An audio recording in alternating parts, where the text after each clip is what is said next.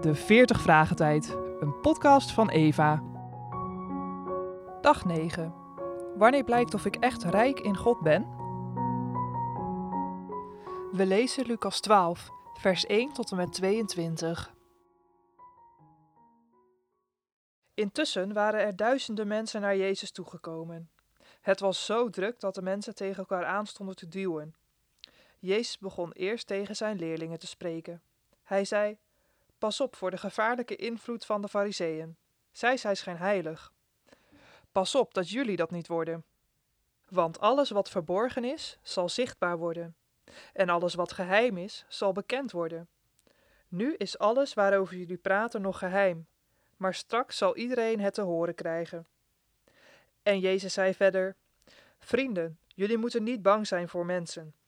Ze kunnen je doden, maar daarna kunnen ze je niets meer doen.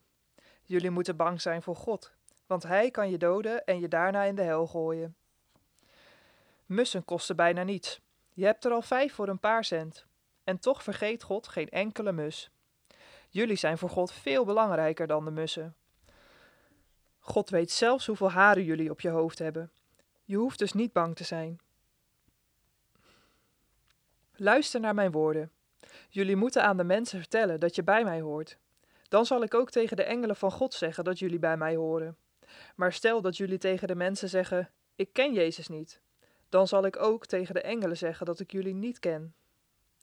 Als iemand slechte dingen zegt over de mensenzoon, kan hij vergeving krijgen. Maar als iemand de Heilige Geest beledigt, dan kan hij geen vergeving krijgen. Stel dat ze jullie naar een synagoge brengen of naar een bestuurder of machtshebber, maak je dan geen zorgen over wat je moet zeggen of hoe je het moet zeggen, want als het zover is, zal de Heilige Geest jullie de juiste woorden geven. Wanneer blijkt of ik echt rijk in God ben? Het antwoord. Jezus waarschuwt de mensen voor een van de ergste valkuilen in het godsdienstige leven. En wel de huichelarij. Je van buiten mooi voordoen, vooral mooi praten, terwijl je van binnen helemaal niet zo mooi bent. Ergens hebben we allemaal wel die neiging. We zouden het vreselijk vinden als iedereen kon zien hoe het er werkelijk bij ons uitziet van binnen. Maar eens wordt dat allemaal door God in de openbaarheid gebracht, waarschuwt Jezus. Wees ook niet bang voor je vervolgers, want het ergste wat ze je kunnen aandoen is je lichaam doden. Dat is wat Jezus' eigen vervolgers met hem zouden doen: zijn lichaam doden. Maar over zijn geest hadden zij niets te zeggen. Jezus had een innerlijk leven van gemeenschap met zijn hemelse Vader waar geen mens aan kon komen. Diezelfde band wenst hij ook jou toe. Al zouden ze je voor een vijandige rechtbank slepen, vanuit die intimiteit met de Vader zal de Heilige Geest je de juiste woorden in de mond geven. Precies zoals hij dat met Jezus zelf gebeurde toen hij voor Caiaphas, Pilatus en Herodes stond. De kern van dit gedeelte vind je in vers 21. Het gaat erom of je rijk bent in God. Als je kleding, voedsel en onderdak hebt, en als je ook nog een beetje gezond mag zijn, heb je alle reden tot dankbaarheid. Maar dat zegt helemaal niets over de vraag hoe rijk je bent in God. Daar kom je vaak pas achter als je ineens een stuk minder aardse goederen bezit, of als het met je gezondheid ineens niet meer zo goed gaat.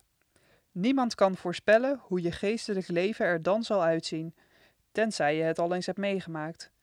Dan pas komt aan het licht of en in welke mate God belangrijker is dan al je aardse zegeningen.